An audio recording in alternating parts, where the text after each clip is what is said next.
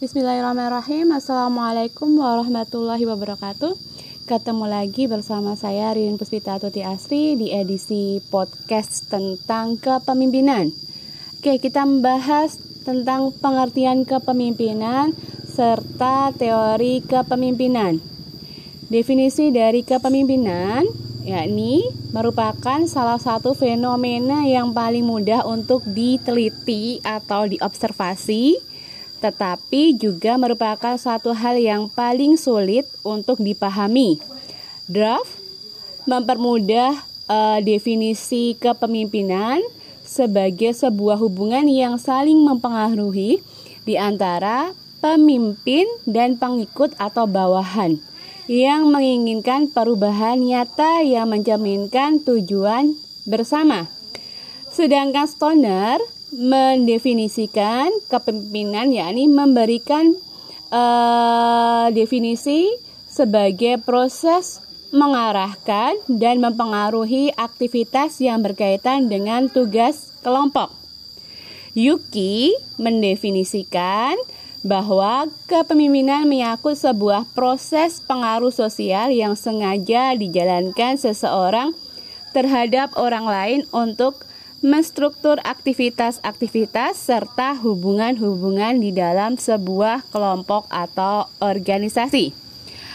Konsepsi kepemimpinan dari sudut pandang pemimpin ini juga dikemukakan oleh Benis dan Nunus Seorang pemimpin atau seseorang bisa disebut pemimpin jika ia mampu memberikan visi kepada organisasi serta mampu menjabarkan menuju realita. Sedangkan kepemimpinan menurut Haber pada intinya Kepemimpinan merupakan suatu proses mempengaruhi orang lain untuk mencapai tujuan yang telah ditetapkan oleh organisasi. Kepemimpinan adalah suatu konsep yang berhubungan dengan setiap kelompok. Garrett yang dikutip Haber mendefinisikan kepemimpinan sebagai suatu pedoman kelangsungan, pembelajaran, serta pemberian motivasi untuk mencapai tujuan dan prestasi. Sedangkan gaya kepemimpinan adalah satu gabungan yang berbeda antara tugas dan hubungan perilaku yang bisa digunakan untuk mempengaruhi pribadi atau kelompok untuk mencapai tujuan. Dari pengertian-pengertian di atas, itu bisa kita simpulkan bahwa kepemimpinan pada intinya merupakan upaya mempengaruhi dan menggerakkan orang-orang lain untuk bekerja sama dalam rangka mencapai tujuan bersama yang telah ditentukan sebelumnya. Kemarin kita sudah belajar tentang perencanaan dan pengorganisasian. Jadinya yang menjalankan itu adalah kepemimpinan. Masuk selanjutnya uh, pendekatan kepemimpinan di mana keberhasilan pemimpin terletak pada seberapa banyak seorang pemimpin itu mengetahui dan menguasai teori tentang kepemimpinan. Dengan maksud apa? Untuk mencegah tindakan-tindakan yang salah ketika dia memimpin. Teori Kepemimpinan ini merupakan gabungan antara konsep yang satu ke konsep yang lain sehingga dapat membentuk suatu sistem atau dengan kata lain, teori adalah benar secara logika dan benar secara empiris. Jadinya, teori kepemimpinan itu lahir dari temuan-temuan para ahli yang sudah dilakukan penelitian secara mendalam. Kepemimpinan merupakan bagian integral dari administrasi, di mana intinya kepemimpinan adalah pengambilan keputusan di dalam suatu manajemen, sehingga ada hubungan manusia antara uh, ada hubungan manusia karena dia yang mengatur orang-orang yang ada di dalam manajemen tersebut. Sehingga teori-teori kepemimpinan itu mempermudah kita mempelajari uh, bagaimana seseorang itu ketika orang itu menjadi seorang pemimpin. Oke, kita masuk ke teori pertama, yakni pendekatan sifat di mana pada teori awal tentang teori sifat ini ditelusuri kembali pada zaman Zunani kuno atau zaman Roma. Pada saat itu orang percaya bahwa pemimpin itu dilahirkan, bukan dibuat. Menurut Zuk, mau mengemukakan bahwa pemahaman awal tentang kepemimpinan terfokus pada ciri sifat yang dimiliki seorang pemimpin. Sifat merupakan salah satu ciri yang spesifik yang dimiliki oleh pribadi, seperti kepercayaan diri, kejujuran, kecerdasan, dan keberanian. Menurut teori sifat, hanya pribadi yang memiliki sifat-sifat tertentu yang bisa menjadi seorang pemimpin. Nah, sekarang coba dilihat di dalam diri kalian adakah sifat-sifat menjadi seorang pemimpin. Kalau belum ada atau belum muncul, ya dilatih atau dibentuk supaya sifat-sifat itu di Eh, sifat-sifat tersebut muncul ya, mungkin belum terasa saja. Menurut teori ini menegaskan gagasan bahwa beberapa pribadi itu dilahirkan memiliki sifat-sifat tertentu yang secara alamiah menjadikan mereka seorang pemimpin. Teori ini mencoba untuk membandingkan sifat-sifat tertentu yang secara alamiah menjadi kan mereka seorang pemimpin. Teori ini mencoba untuk membandingkan sifat-sifat yang dimiliki seseorang pemimpin dengan pribadi yang bukan seorang pemimpin.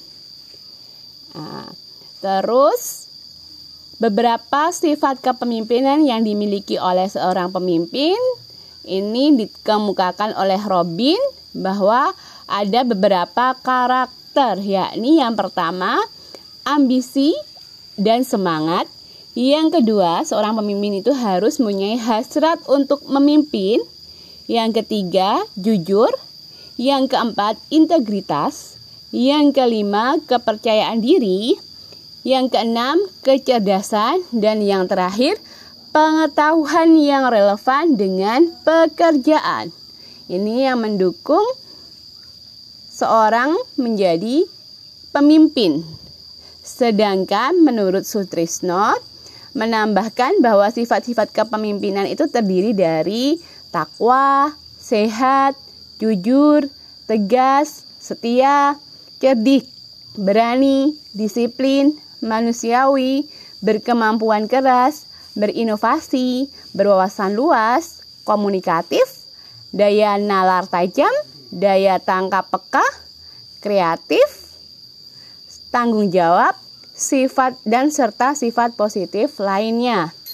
Dengan asumsi pemikiran seperti tadi, menegaskan bahwa salah satu penunjang keberhasilan seseorang sebagai pemimpin itu bisa ditentukan oleh kualitas sifat atau karakteristik tertentu yang dimiliki baik secara fisik, mental, psikologis, personalitas, dan segi intelektual seseorang. Oke, masuk yang kedua, teori pendekatan keperilakuan atau behavior approach. Pendekatan keperilakuan memandang kepemimpinan dapat dipelajari dari pola tingkah laku. Dari pendekatan keperilakuan ini, ini ada dua studi. Studi kepemimpinan kepemimpinan Ohio State serta studi kepemimpinan Michigan di mana kedua pola ini itu mengkaji tentang pandangan perilaku kepemimpinan yaitu fungsi-fungsi kepemimpinan dan gaya kepemimpin kepemimpinan. Oke, kita masuk ke kepemimpinan Ohio State di mana uh, ini dipelajari pada tahun 1945 wah ketika Indonesia merdeka ini berarti ya. Ini dilakukan penelitian di Universitas Negeri Ohio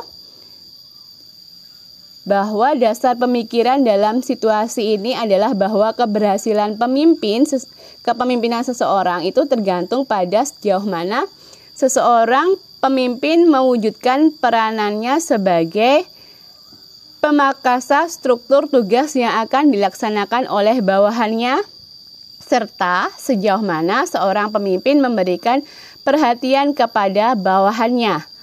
Para peneliti ini berusaha mengidentifikasi dimensi-dimensi independen dari perilaku pemimpin. Diawali dengan lebih dari seribu dimensi. Akhirnya mereka menyempitkan daftar menjadi dua kategori yang secara hakiki menjelaskan sebagian besar perilaku kepemimpinan yang digambarkan oleh bawahan – menyebutkan dua dimensi ini sebagai struktur prakarsa yakni oh, prakarsa dan pertimbangan. Ini menurut Robin tahun 2009 dua dimensi kepemimpinan tersebut yakni adalah struktur prakarsa merujuk sejauh mana pemimpin berkemungkinan menetapkan serta menyusun peranannya dan peran bawahannya dalam mengupayakan pencapaian sasaran. Struktur ini mencakup perilaku yang berupa mengorganisasikan kerja, hubungan kerja, dan sasaran. Pemimpin yang dicirikan tinggi dalam struktur prakarsa dapat digambarkan sebagai seseorang yang menugasi anggota-anggota kelompok dengan tugas-tugas tertentu, mengharapkan para pekerja mempertahankan standar kinerja yang pasti dan menekankan dipenuhi tepat waktu. Jadi yang di pertama ini di struktur prakarsa ini ditekankan bahwa setiap anggota itu memiliki tugas-tugas tertentu dan harus menyelesaikan dalam waktu yang telah disepakati. Yang kedua, Pertimbangan digambarkan sejauh mana seseorang berkemungkinan memiliki hubungan pekerjaan yang dicirikan dengan rasa saling percaya, menghargai gagasan bawahan, dan memperhatikan perasaan mereka. Ia menunjukkan kepedulian akan kenyamanan, kesejahteraan, status kepuasan pengikutnya. Jadinya pemimpin yang tinggi dalam pertimbangan di di yang kedua ini itu digambarkan sebagai seseorang yang membantu bawahannya dalam menyelesaikan masalah pribadi, ramah, dan dapat didekati serta memperlakukan semua bawahan dengan adil. Jadinya yang kedua ini lebih humanis atau lebih manusiawi, menekankan kedekatan dengan pengikut atau karyawan atau bawahannya. Berdasarkan teori di atas dapat disimpulkan bahwa uh, ada standar atau kriteria sebagai berikut. Nanti bisa kalian lihat di PowerPoint yang ada di ilmu. Oke, uh, struktur rendah yakni perhatian tinggi. Pemimpin mendorong hubungan kerjasama harmonis dan kepuasan dengan kebutuhan sosial anggota kelompok. Struktur rendah, pemimpin menarik diri dan menempati perasaan pasif, pemimpin membiarkan keadaan sejatinya. Struktur tinggi, perhatian tinggi, pemimpin mendorong mencapai keseimbangan pelaksanaan tugas dan pemeliharaan hubungan kelompok yang bersahabat. Struktur tinggi, perhatian rendah, Pemimpin memuaskan perhatian hanya pada tugas-tugas perhatian yang pada pekerjaan tidak penting. Oke, nanti di uh, apa PPT silahkan dibuka lagi. Oke, masuk ke pendekatan kedua, studi kepemimpinan di Michigan. yakni pada saat yang bersamaan di Ohio. Ini juga ada riset di Angkatan Laut, yakni kontrak kerjasama dengan Pusat Riset Survei University Michigan untuk melakukan suatu penelitian. Tujuannya untuk menentukan prinsip-prinsip produktivitas kelompok serta kepuasan anggota kelompok yang diperoleh dari partisipasi mereka. Dari hasil penelitian yang dilakukan di Universitas Michigan, ini ditemukan ada dua dimensi, yakni pemimpin yang berorientasi pada karyawan serta pemimpin yang berorientasi pada produksi. Oke.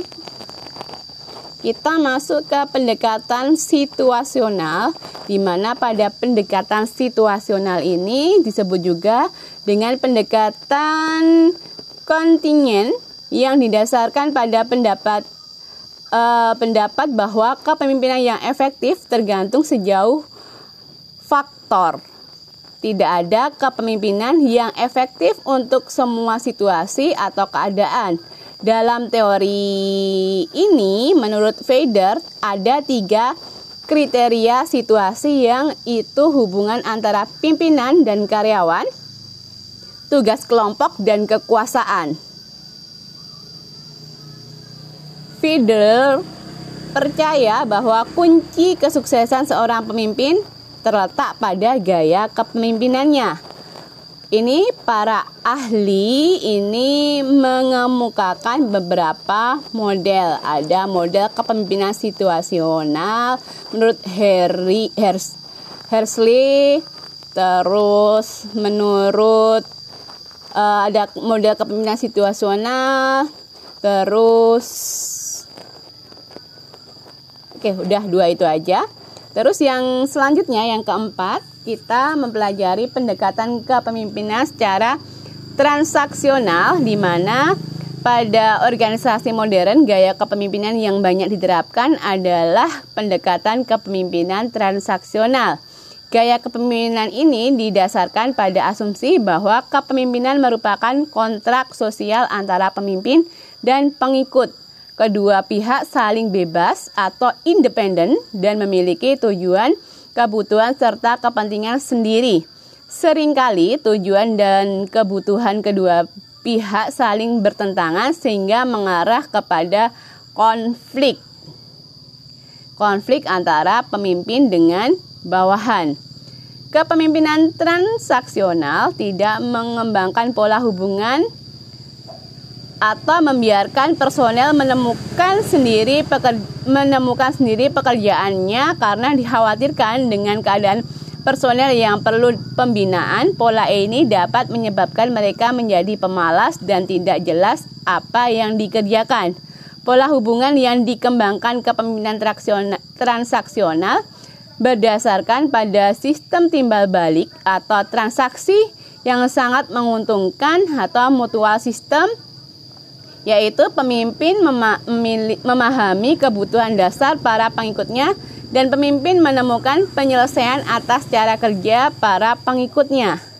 Pemimpin transaksional merancang pekerjaannya sedemikian rupa yang disesuaikan dengan jenis dan jenjang jabatan dan melakukan interaksi yang disesuaikan dengan jenis dan jenjang jabatan dan melakukan interaksi atau hubungan mutualis. Selanjutnya adalah pendekatan transformasional.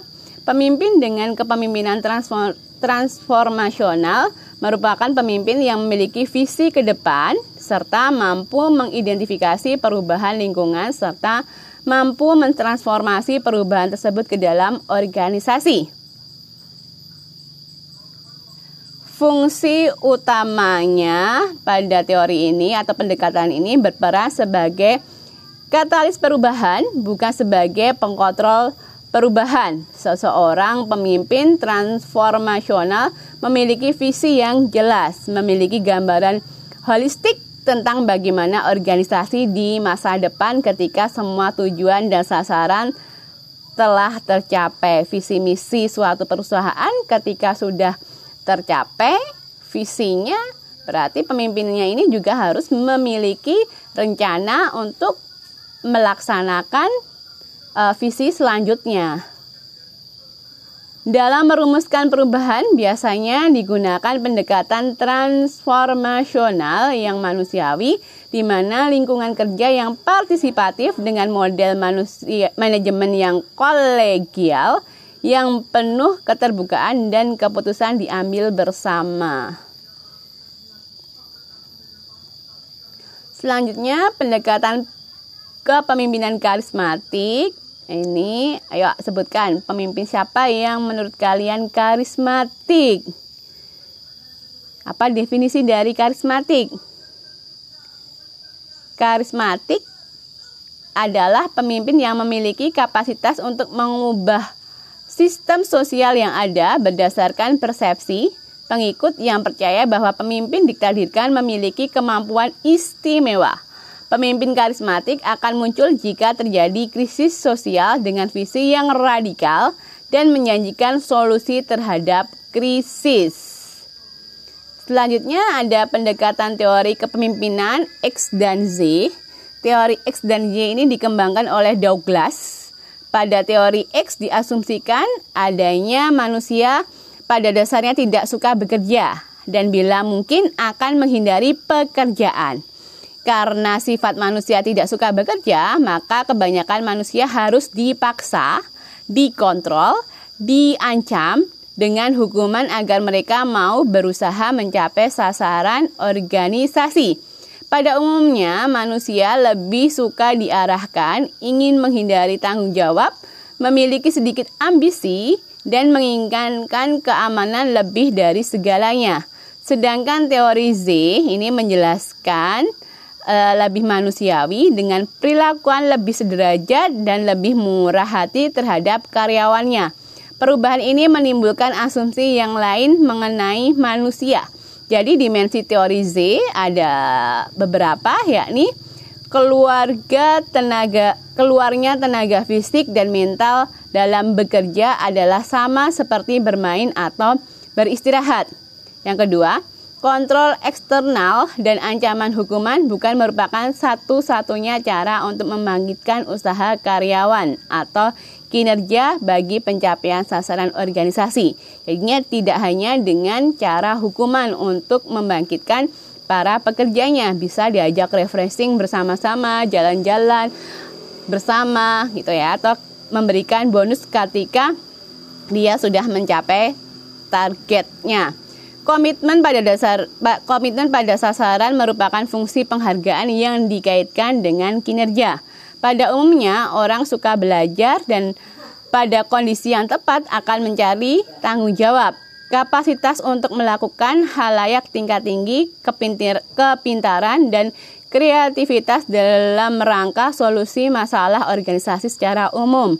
Dan dalam kondisi kehidupan industrial modern, potensi kecerdasan manusia hanya sedikit yang digunakan.